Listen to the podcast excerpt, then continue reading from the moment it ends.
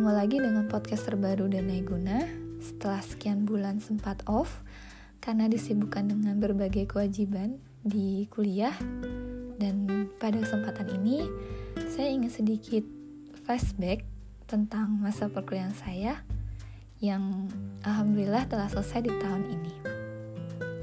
Kebetulan hmm, kemarin adalah hari wisuda saya yang tentu saja masih dilaksanakan secara online karena masa PPKM yang dilanjutkan kembali.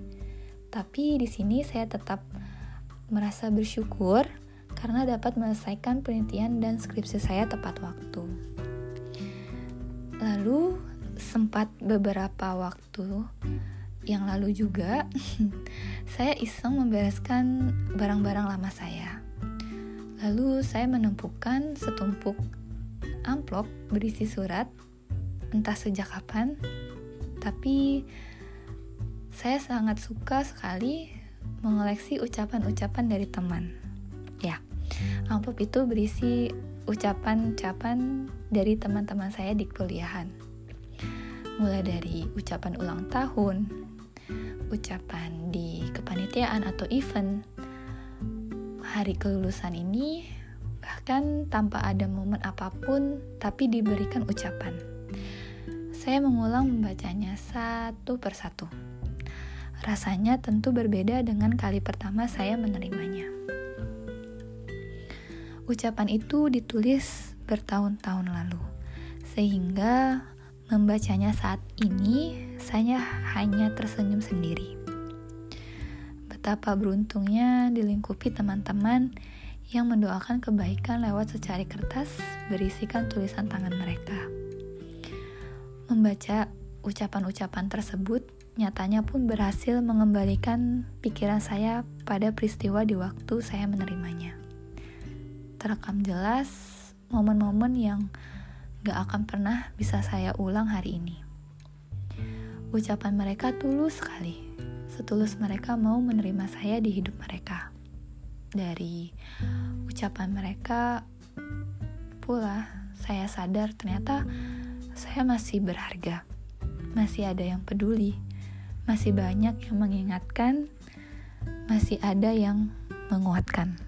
Padahal jika diingat, kebaikan apa yang sudah saya berikan sehingga Tuhan masih mau kasih saya orang-orang hebat seperti mereka.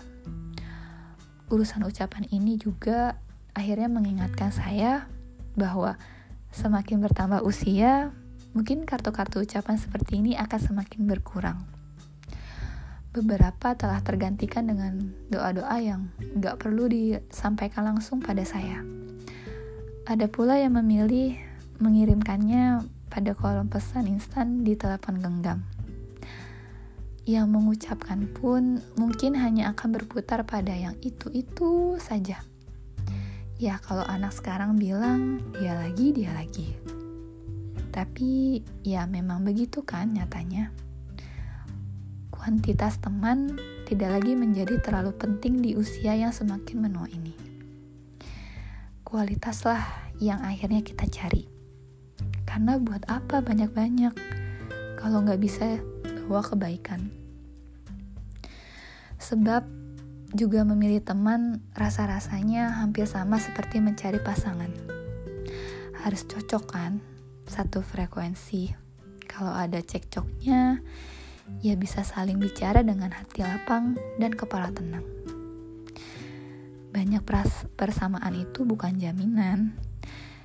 Justru kalau punya banyak perbedaan akan jadi tantangan.